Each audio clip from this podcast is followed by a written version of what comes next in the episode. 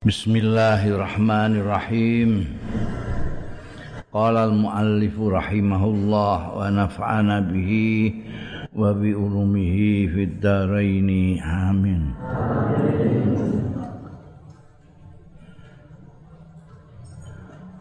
Babus salafi fi kailin ma'lum. Iki bab utang fi kailin ing dalem takeran maklumin kang kinawruan An Ibni Abbas diriwayatake saking sahabat Abdullah bin Abbas radhiyallahu anhu maqala ngendika sapa Ibnu Abbas Qadima rawuh sapa Kanjeng Rasul sallallahu alaihi wa alihi wasallam al Madinah ta ing Madinah wan nasu hale utahe wong-wong iku yuslifuna. Do utang biasa nyileh minjam. Fitamril ami wal amain ing dalem kurma setahun rong tahun lan rong tahun Waqala mengko dawuh sapa Kanjeng Rasul sallallahu alaihi wasallam man salafa fi wong sapaning salafa atau salafa. Utangi fi tamrin ing dalem kurma fal yuslif mongko supaya ngutangi fi kailin ing dalem takeran maklumin kang kinawruan wa waznin lan timbangan maklumin kang kinawruan. Jelas seperti kemarin dah diterangkan transaksi atau apa pun juga di dalam Islam itu tidak boleh merugikan pihak-pihak tertentu. Jual beli tidak boleh merugikan salah satu pihak. Hal-hal yang berkemungkinan merugikan pihak-pihak tidak diperbolehkan. Ini utang nah neng kene ya utang apa lah. Itu ditaker, ditimbang supaya jelas nanti itu bayare barang itu. Oh iki sekilo. Oh sakmut nah itu ada. Karena anggil ngunai cauk-cauk kok bayare gak jelas. Mungkin ada yang dirugikan kalau kurang mbok semene Mungkin kita yakin ngono kok saya ngomong saya sam Jawa bayar kok ini. Kalau ditaker, ditimbang itu jelas. Tidak akan ada perselisihan di belakang hari karena ada ukurannya wis karuan. Iki sak mut. Iki sak kilo iki rong kilo jelas. Nek cawukan kan bingung. Biyen pira saiki pira utange pira maye bayar gak jelas. Hmm, maning dawuhi karo Kanjeng Rasul sallallahu alaihi wasallam itu gunakan kail maklum bahwa waznun maklum takrannya harus jelas, timbangannya harus jelas. Ana Aisyah saking Sayyidatina Aisyah radhiyallahu anha qalat ngendika sapa Siti Aisyah istara mundut tuku sapa Rasulullah sallallahu alaihi wasallam ta'aman ing panganan min yahudiyin saking wong yahudi binasi atin kelawan bayar mburi nasiah itu. Warohanahu lan memberi jaminan gade sapa kanjeng nabi? Hu ing Yahudi dir diran ing pakaian perang pakaian baju besi pakaian perang lahu kedua kanjeng Rasul sallallahu alaihi wasallam min hadidin saking besi jadi baju besi Mungkin zaman kuno baju besi itu ini iki besi tok. Nek saiki baju baju anti peluru itu enggak ketok besi ini sudah di 6. Mbien ketok gleger. Itu sing digadekno. ambean Kanjeng Nabi Muhammad sallallahu alaihi wasallam pada orang Yahudi. Jadi Kanjeng Nabi Muhammad sallallahu alaihi wasallam di masyarakat Medina itu wong campur aduk. Ana wong Ansar, ana wong Muhajirin, ana wong Yahudi. Jadi mereka dalam muamalah pergaulan ya biasa. meskipun dalam akidah berbeda-beda sama ya dalam ini kan muamalah dol tinuku malah ada riwayat yang kanjeng Nabi kapundut itu anunya dirunya itu masih ada di gadian ini. Kanjeng Nabi membeli makanan dari wong Yahudi. Karena orang Yahudi yang dodol pakanan itu ya, dia yang jual gandum dan kurma. Orang Yahudi kan dari dulu pedagang-pedagang ahli-ahli ekonomi terkenal orang Yahudi. Ngabari ono jenenge bank barang itu hasil pemikirannya wong Yahudi. Kanjeng Nabi Muhammad sallallahu alaihi wasallam berdasarkan pernyataane garwane Sayyidatina Aisyah radhiyallahu anha itu pernah Kanjeng Nabi membeli makanan bayar belakangan dengan jaminan baju bersihnya kanjeng Nabi Muhammad sallallahu alaihi wasallam. Ya. Bundel Kitabul Muzara'ah. Kitab Muzara'ah. Muzara'ah iki dari Zira'ah. Zira'ah itu tanduran. Muzara'ah dari mufa'alah.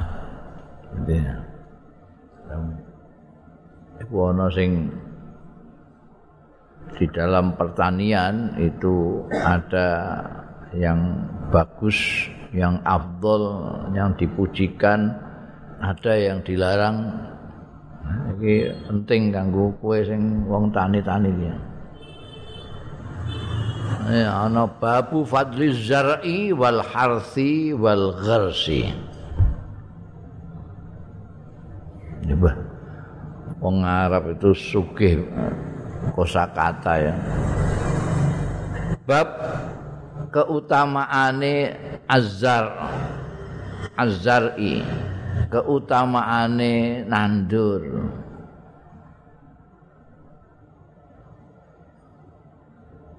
Wal harsi lan nandur. Wal gharsi lan nandur.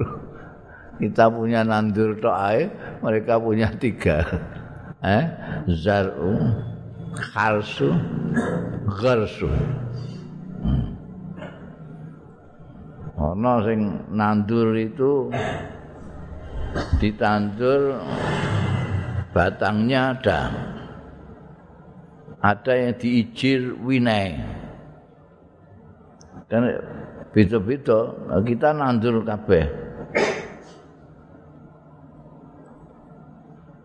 Nandur nandur.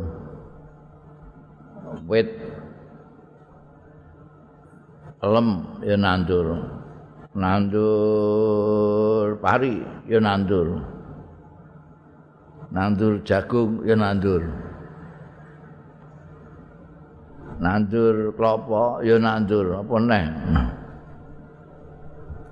ini beda-beda. Karena tanaman itu ada tanaman yang di, biasa ditanam di sawah al kharsu itu.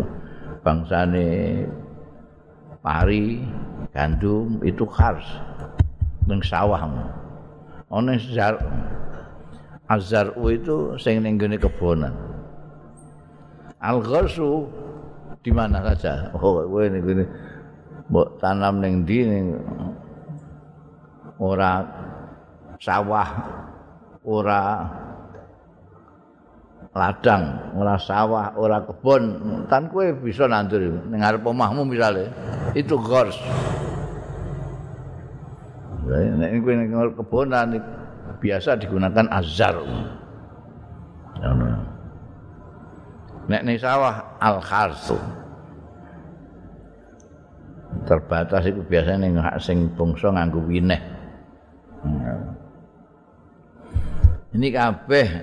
Itu tujuannya satu ya menanamkan sesuatu nanti akan tumbuh menjadi tumbuh-tumbuhan. An Anasin. Saking Sayyidina Anas bin Malik radhiyallahu anhu qol ngendika sapa Sayyidina Anas bin Malik? Qala dawuh sapa Rasulullah sallallahu taala alaihi wa alihi wasallam? Ma min muslimin. Ora ana seorang muslim pun. Nek ma muslimun tidak seorang muslim Tapi kalau ma min muslimin tidak seorang muslim pun itu ada tambahan min itu tidak sia-sia, ada maknanya.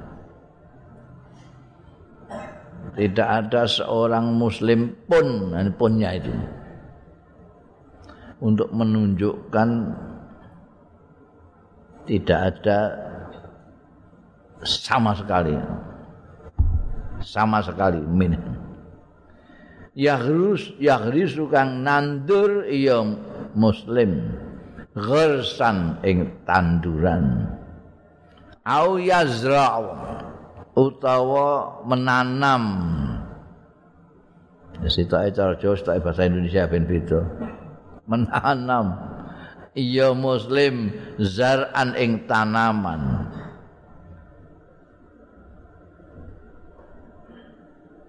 Fayakul mongko mangan minhu saking ghursan atau zar'an.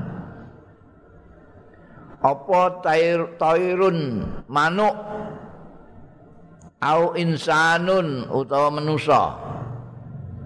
Au bahimatun utawa kewan? Illa kana. Kejaba ana lahu kedue muslim bihi sebab ghursan utawa zar'an mau. Apa sedekahun sedekah. Wah ini dalile penghijauan.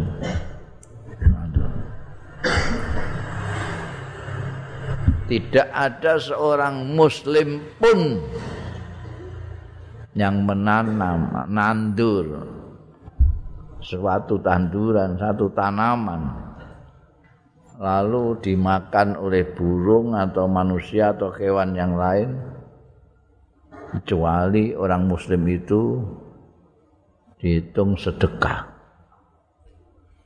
Jadi enak kowe nandur apa ngono? Sing kira-kira iso dipangan manuk apa dipangan manusa apa dipangan kewan lain itu untuk ganjarannya sedekah.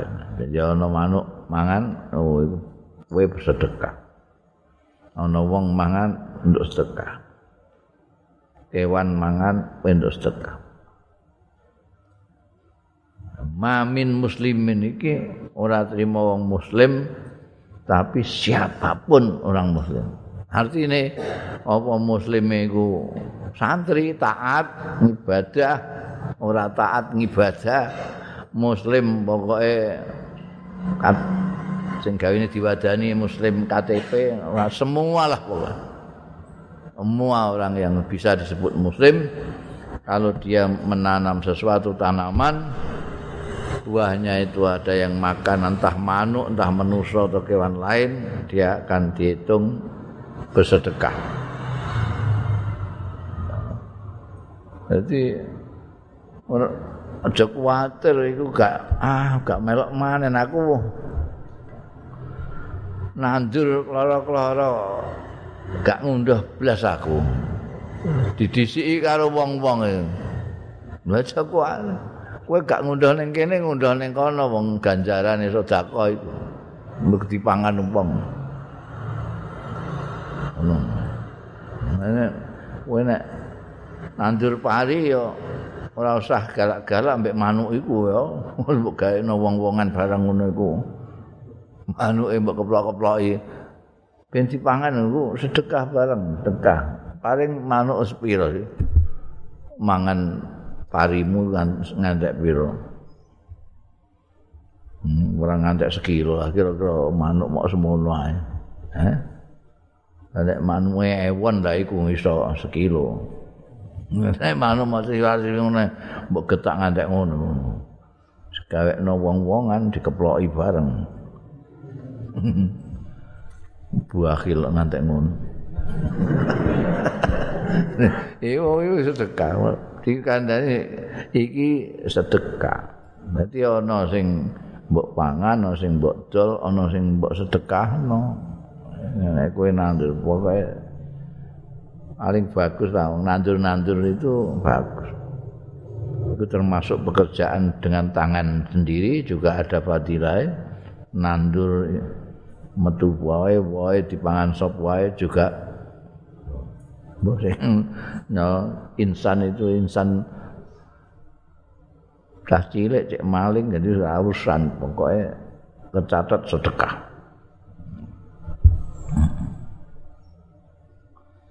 babu iktina il kalb lil harsi bab ngingoni asu lil harsi kanggo tanaman.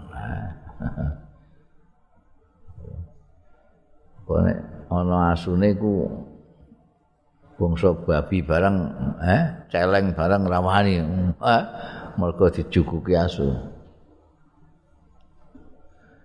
Wa an Abi Hurairah radhiyallahu anhu qala ngendika sapa sahabat Abu Hurairah qala dawuh sapa Rasulullah sallallahu alaihi wasallam Man amsaka sapane wong sing ngeker artine ngingoni kalban ing asu fa innahu yang kusu kula yaumin monggo kelakuan iku yang kusu kalong kula yaumin ing dalem saben dinane min amalihi.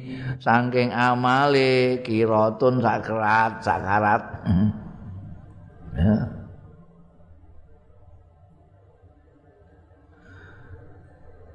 Sakit.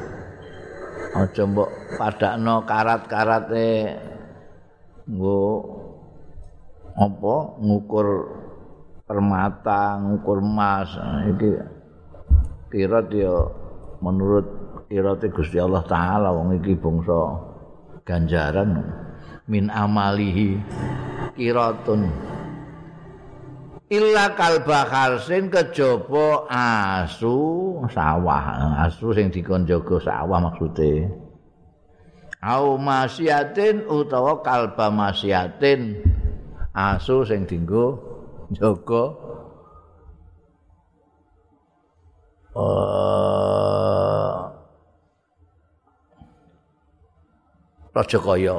Ya ini sing rada bisa membandingi bahasa Arab itu cara Jawa cara Indonesia itu cumpuan kurang. Ninggune bahasa Arab itu ana hayawan secara umum ana dabatun ana masyatun ya, iku juga maknane maknane kewan kabeh masya itu ya bangsane wedhus sapi ya itu ada anjing itu yang disuruh jaga sawah, jaga kebun, ana sing dikon jaga wedhus. Wedhus pirang-pirang itu. Nah, ana sing arep njiko jukuki asu. Sing diperkenankan ning ora ora ngelong ngamali wong itu itu anjing penjaga sawah, anjing penjaga Rajakaya. Liyane iku anjing gumbu njuguki tamu, iku ngamalmu kalong. Ingon-ingon asu nggo meden-medeni tamu. Ben ora ana sing medaya. Lah iki akeh iku. Malah ditulis ning ngene ngarepe kadang-kadang gak ana asune tapi ana gambare asu awas anjing niku ning kutha-kutha biasane soalé kuwatir mbok tamoni kowe arep utang ngono ben kuwatir diutangi wong ngingoni asu. Iku kalong ngamale bendina kalong sak kerat bendina ilang sak kerat nek asune dingoni antekan pirang-pirang tahun sekarang ngeping ngono ah. Eh, amal itu kalong. Kecuali iku mau kalbu hasin utawa kalbu masyatin. Itu. Hmm. Ya. Kena apa nek asu kok iso ngurangi? Ya iku mau mergo di samping najis minimal liurnya anak najis tidak bisa dikontrol kedua karena ini madoroti mbek wong emes silaturahmi sida gara-gara dijuguki asu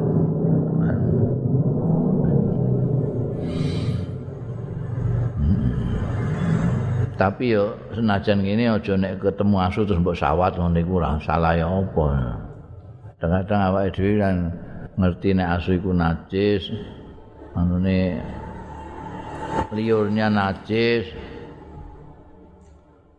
terus kuweting nek ana asu to mbok sawat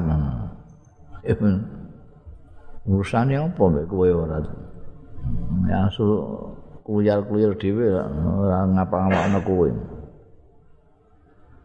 nek kowe dijegoki mesti dicokot lah iku rawat gak apa-apa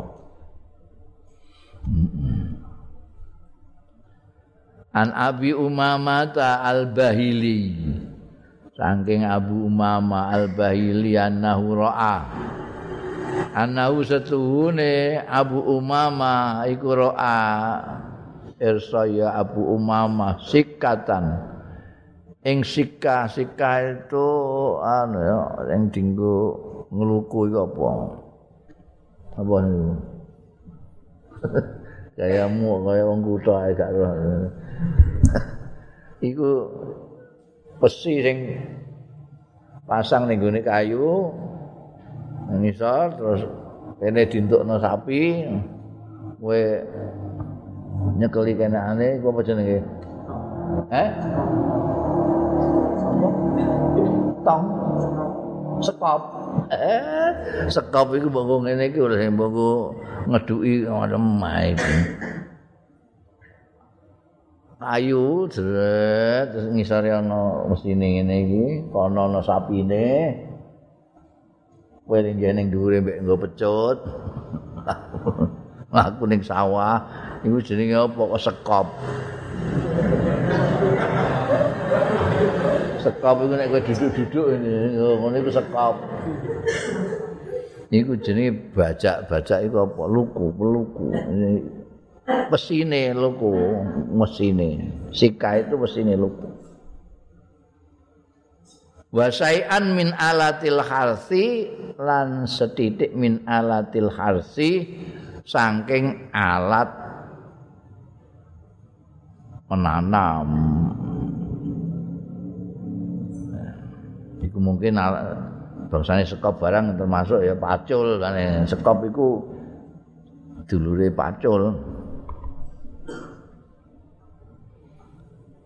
Faqala mongko andika sapa Abu Umamah sami tumireng sapa ingsun. An-Nabiya ing Kanjeng Nabi sallallahu alaihi wasallam yaqul Dawuh sapa Kanjeng Nabi sallallahu alaihi wasallam la yadkhulu ora melbu hadza iki sikah apa sayan min alatil khasi mau baita kaumin ing omahe kaum illa udkhilau kejaba nglebokake ing kaum apa azzullu kehinaan kerendahan keasoran. Jadi intinya Abu Umama Al-Bahili ini eh, roh gila roh alat untuk nanam-nanam. Pokoknya alatnya Pak Tani ku Pak Tani ku apa? Luku pacul barang ngono iku lho. Iku. Kelingan dawuh Kanjeng Nabi Muhammad sallallahu alaihi wasallam. Bareng basa kenekan iki mlebu omahe wong iku wonge meroi lara kabeh. Iki ana sing ngendikane nek iki termasuk mukjizat Kanjeng Nabi. Kanjeng Nabi peso Rak durunge wina mesti ngendikane. Wah iki kene bangsa ngene iki. Alat-alate petani nek mlebu ning omahe, artine mlebu omahe petani. Meloro kabeh. Jadi tenang. Zillah itu artinya asal. Mulai zaman Londo, zaman Jepang, sampai zaman Merdeka. Iku petani juga tahu meningkat derajatnya. Padahal sing makani masyarakat rakyat itu petani. Bagian isor dewi lah. Hmm, di dapurmu kaya potongnya di dapur-dapur barang padahal dia sing imangan kowe. Sing nandur beras, nandur pari, berase mbok pangan itu petani. Nampi ra ono ngurmati petani juga ono. Sampai beras munda itu mesti nak ya kudune ya apa ya? Nek beras munda itu angger petani ini mendapatkan nilai tambah dari tandurannya. Nek pari gabah itu larang, kan petani naik. Pendapatannya. Tapi masalahnya gak petani ini mau nandur tok. Engko kadang-kadang durung pati dadi beras iku wis ana tengkulak sing mara. Malah kadang-kadang petani ini wis dikai duit ini sampean tengkulak iku. Dadi engko panen wis dicikuk mek tengku. Sing duwe bati akeh iku sing dodol beras. Sing dodol gabah iku petani iku. Sing ngono tok mulai zaman Londo. Londo kawitan jajah. Dadi 300 300 tahun yang kepungkur ini. Hmm. petani ini gembor-gembor muni gak ana apa jenenge pupuk ya wis mung ya nengahe. Ngene. Gabah mundak, wah iki petani dihimbau untuk bangsa ngono kuwi. Jadi wong sing ana pacul ana wis omah kok dileboni pacul, dileboni luku barang ngene iku. Semeroya. Paling duwe ya sapi terus kayak biyen itu.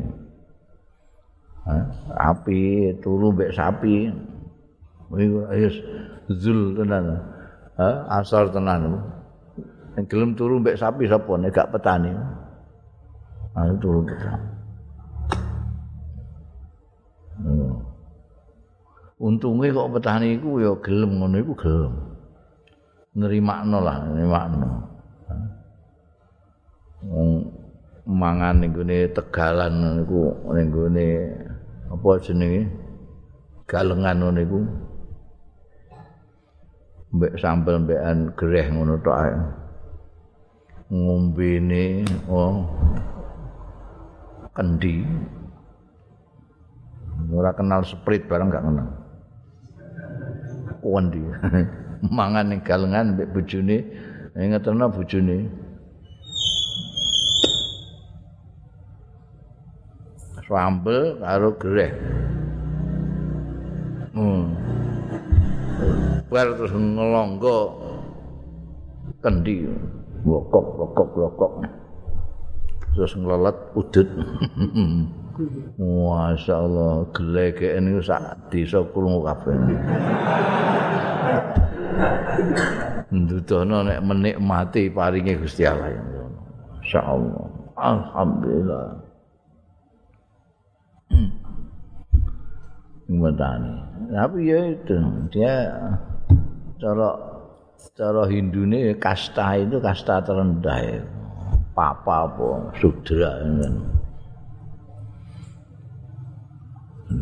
Iya sing diramal Kanjeng Nabi. Layat khulu hadza baita qaumin illa udkhilahul zul. Andi. Ora kabeh. Jasane gede tapi tetep gak munggah pangkat. Wis ngono tok ae. Mulane sing nom-nom kadang-kadang mblayu anggur nguli ning kutha. Eh, sawahe kadang-kadang terus didol gak disewakno anak-anake Pak Tani mblayu ning kutha nguli nguli wah mangsane gua ning kutha mulai ning desa nggawa transistor oh, di setel banter-banter lagune Umay Rama Cah cilik-cilik terus mau ngetutno ambekan menari-nari kan wah. Ya tetep aja. Udkhilahu zul. An Abi Hurairah radhiyallahu anhu qal ngendika sapa sahabat Abu Hurairah? Qala dawuh sapa Rasulullah sallallahu alaihi wasallam mangkanat lahu ardun man sapaning wong kanat kang ana ya man. La man sapane wong kanat kang ana lahu keduwe man apa ardun tanah fal yazha mongko supaya nanduri ya man ha ing ard auliamnahha utawa supaya menehno ya man ha ing ard akhahu ing dulure eman ning gelem garap pain apa mengko ora gelem ya akhahu fal yumsik mupaya ngeker. Sapa man ardau ing tanah man ya. Duwe tanah diumbar bero ora ditanami apa-apa niku ndak produktif dan ndak sesuai dengan arane Kanjeng Rasul sallallahu alaihi wasallam. Kan akeh iku. Tanah ora digarap. Ning guring-guring nek biyen digarap kabeh. Wong di tanah sawah iku dengan sangat semangat digarap oleh petani-petani. Guring-guring iku anak-anak sing no, apa nganyar-anyar iku ana sarasen tanah dimbarno bro. ditinggal golek gawean ning kutha.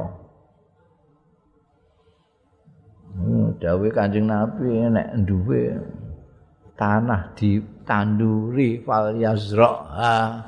Tanduri apa lah apa ta apa.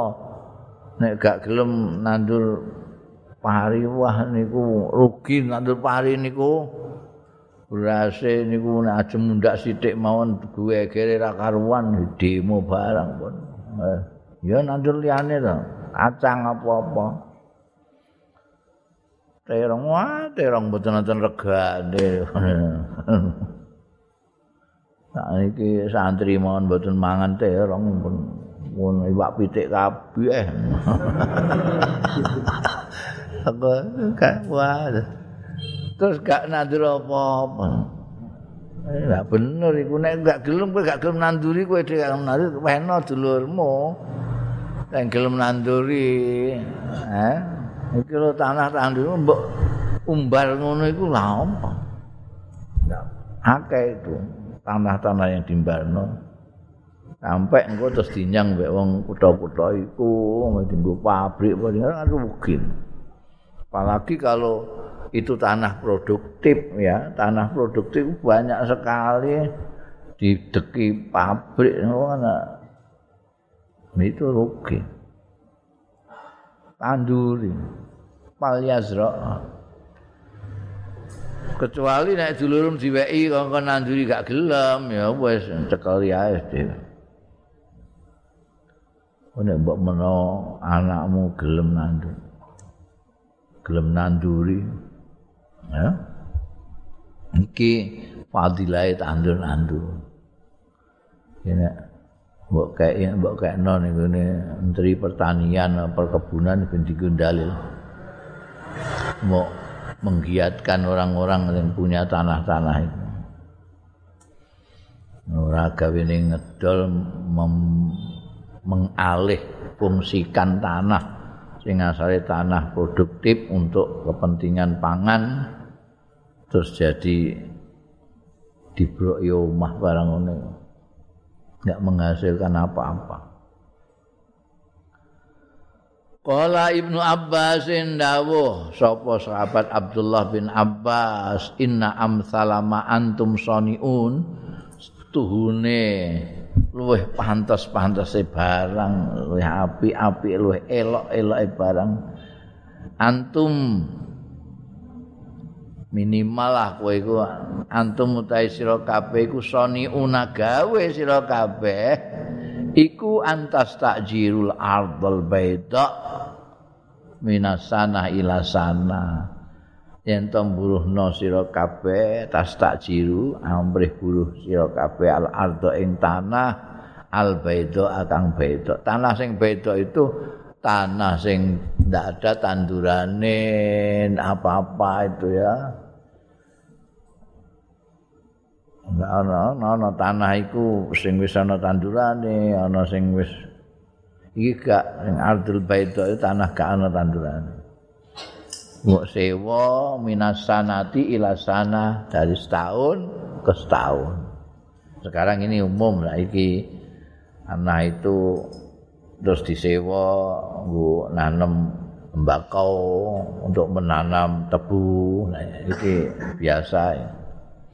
Nah, itu bagus itu setahun atau tahun disewa tuku apa jenenge tinggu nanduri apa yang biasanya sekarang kan orangnya cerdas-cerdas tidak selalu nanam pari kita kok sing anu ini tren ini tebu tanduri tebu sing tren bako bako.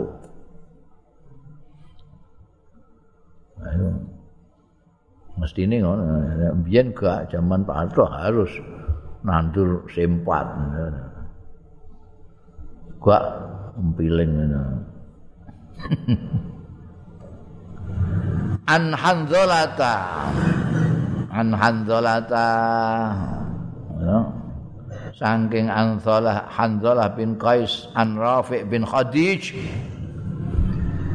Saking Rafi' bin Khadij kala ngendika Rafi' bin Khadij haddatsani ammaya.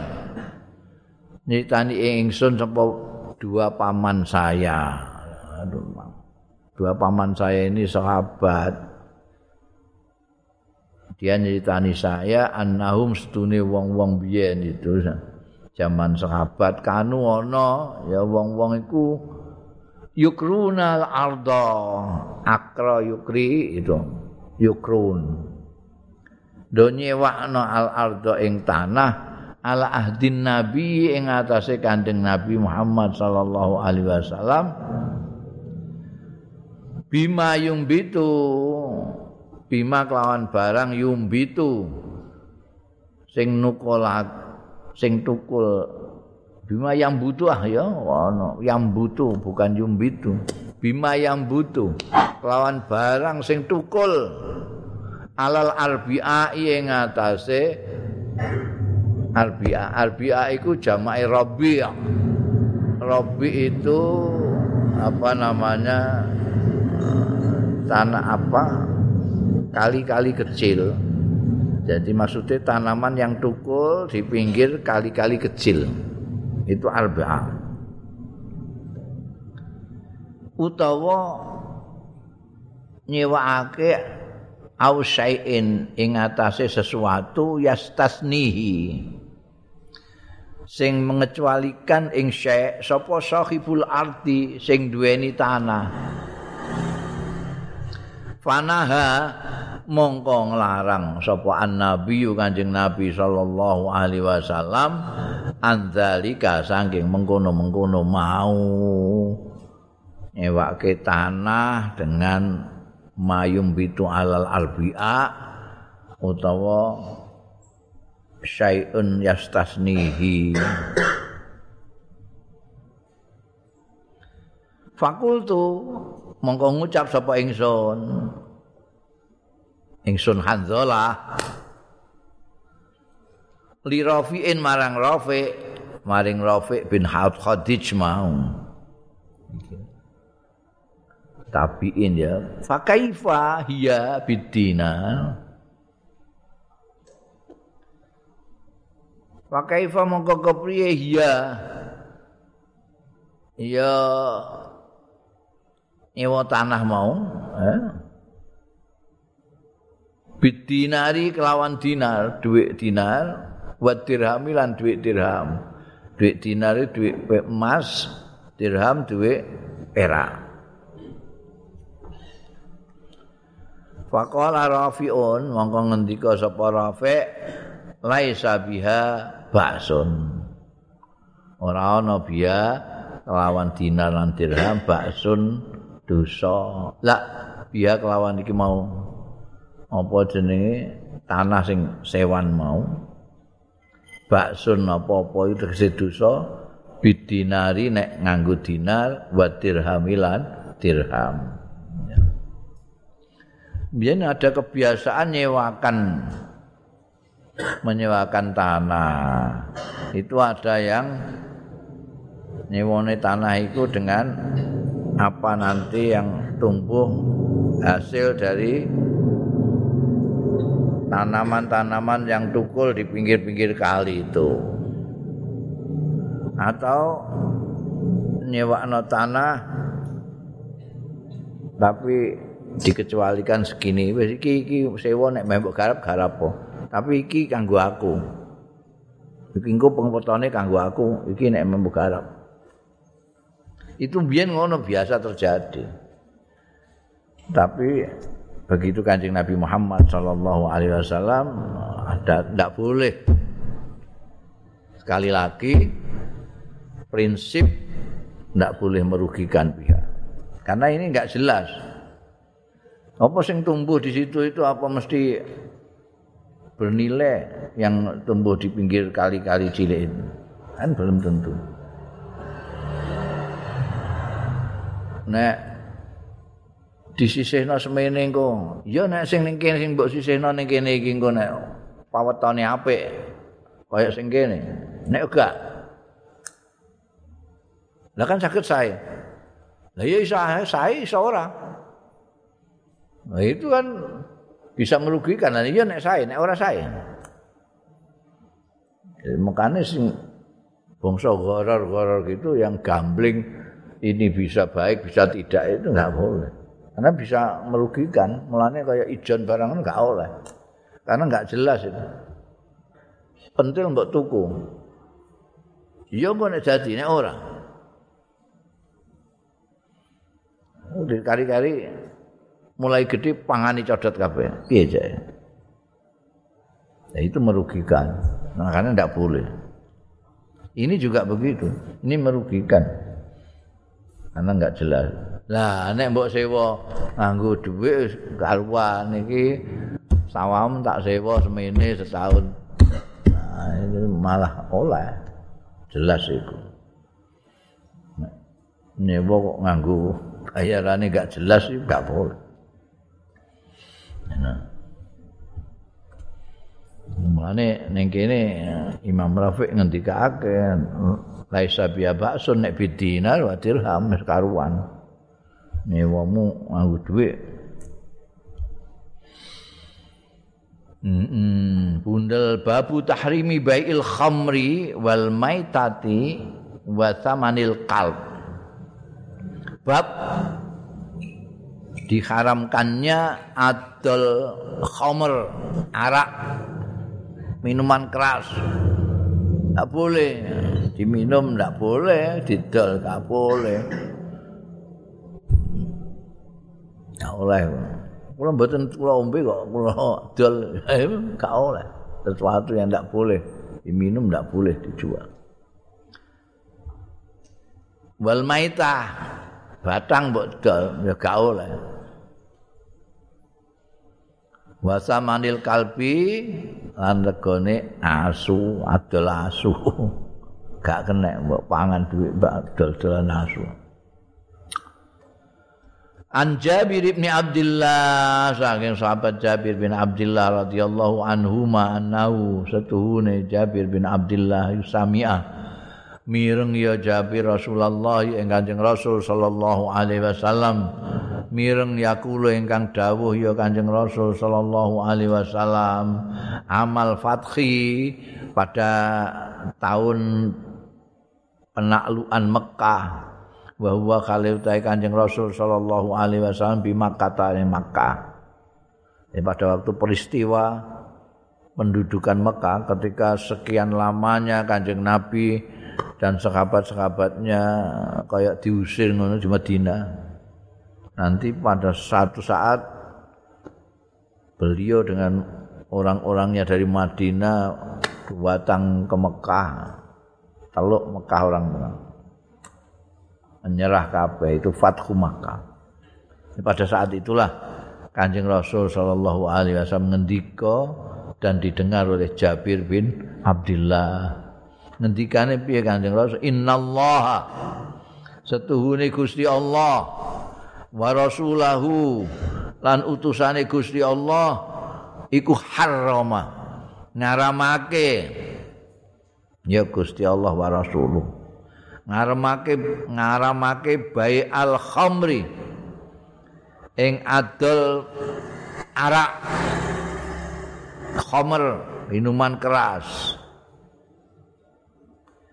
wal maitati lan adol batang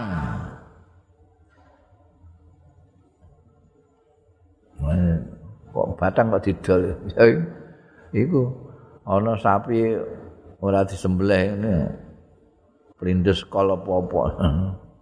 Mbok dol mati. Iku maitah. Wal khinzir lan adol babi. Celeng. Wal asnami lan braholo. Oleh. Fakila mengko diaturake ya Rasulullah, duh Kanjeng Rasul. Araita mugi panjenengan ngendikani kita araita iku. Araita ya hadis. Suhu mal maitata. Terus pun dimenai suhu mal maitata. Suhu mal maitati. Suhu mal kok maitata. Suhu mal maitata. gajah gajah lemak lemaknya batang nek batangnya haram nek lemaknya gajah itu di gajah ini takut ngono. Lemak gua apa? Gajah lemaknya batang mbak gua apa? Pak Inna mau suhu maitah. Yutra biha iso tinggi ngelabur biha kelawan suhu maita dilabur biha kelawan suhu maita apa asufunu kapal-kapal perahu-perahu niku ben mengkilat dikei dilapisi suhumul maita wa yudhanu bihal julud lan kangge minyai diminyai wa yudhanu diminyai biha kelawan suhumul maita apa al julud kulit? Kulit.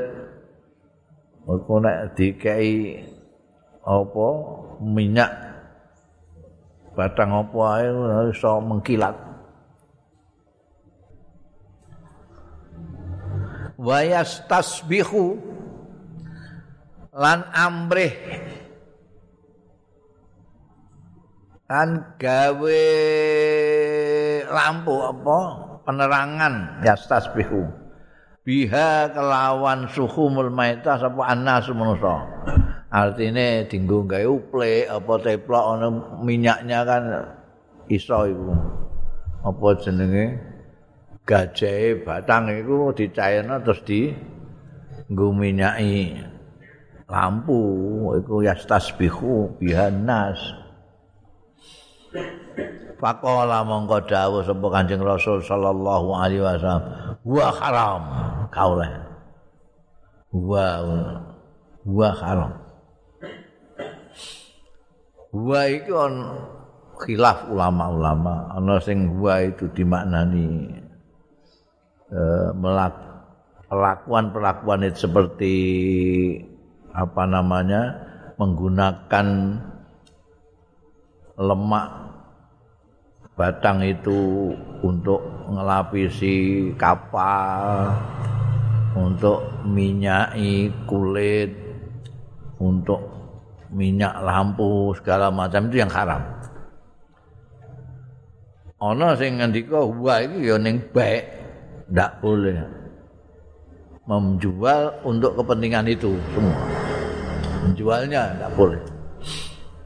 Jadi seperti halnya tadi kan in, apa interupsinya sahabat itu kan ketika kanjeng Nabi dawuh harrama bai al khamri, bai al maitati, bai al khinziri, bai al asnami.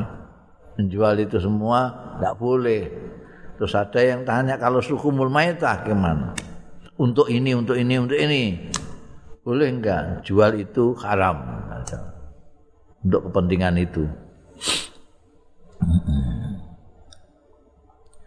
Kala mongko keri-keri. Dawuh sapa Rasulullah sallallahu alaihi wasallam setelah menjawab huwa haram, anjing Nabi masih melanjutkan inda zalika nalika mengkono-mengkono dawuh huwa haram. Anjing Nabi masih melanjutkan dengan dawuh qatalallahu al-yahud. Ngelaknati sapa Allah al Yahuda ing wong-wong Yahudi, wong Yahudi dilaknati Gusti Allah. Ana sing maknani kata Allah muga-muga merangi sapa Gusti Allah ing wong Yahudi. Ngelaknati sapa Allah ing wong Yahud, innallaha sak temene Gusti Allah lamma harrama Hareng ngaramake sapa Allah suhumaha eh gaje-gaje maita jamaluhu. Mongko mencairkan apa bahasa Jawa ini cairkan? Eh? Wah, ngencerno iku ah, asale buku mbok encerno digedhek diudek-udek ben encer. Ini kok. Mencairkan itu. Orang kok ben encer. Ono mesti bahasanya encer juga. Iki kan gajah iki nembok panasi. Dia lalu menjadi cair. Ya apa mencair itu?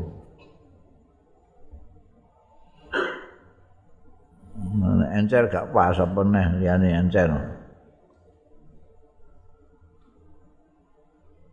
Cair itu es hujanno suwe-suwe mencair dia es kok encer. Enggak cocok. Es encer. Ngono enggak cocok. Suwe kok es encer enggak cocok. Mencair kok apa hmm? Diledek. Diledek ku telekmu iku diledek.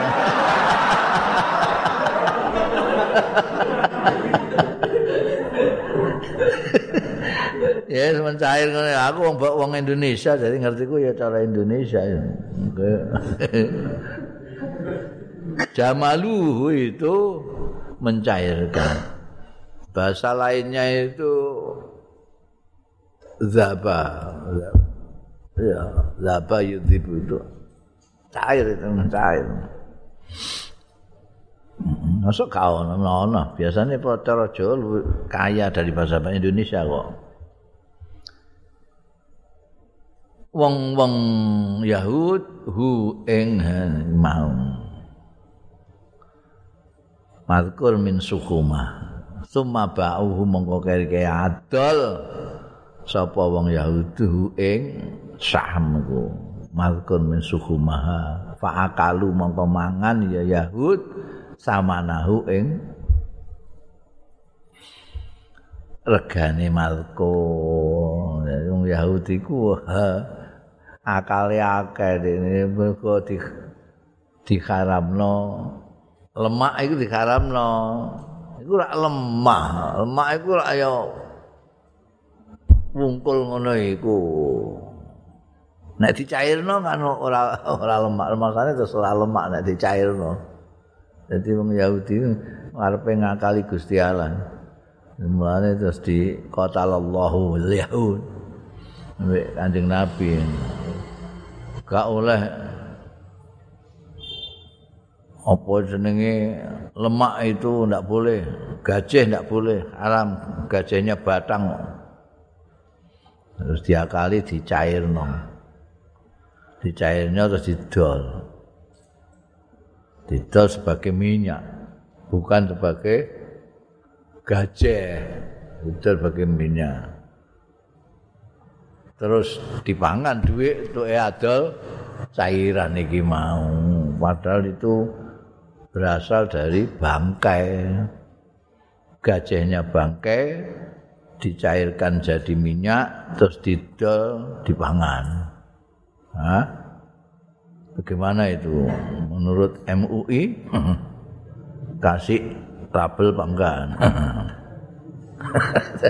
Jadi dilabeli kan materi nenek cara MUI. Nek duit penjualan dari sesuatu yang tidak halal itu halal apa enggak? enggak halal juga. ya. Wong Yahudi kelakuane. An Abi Mas'udin Al Ansari wallahu alam.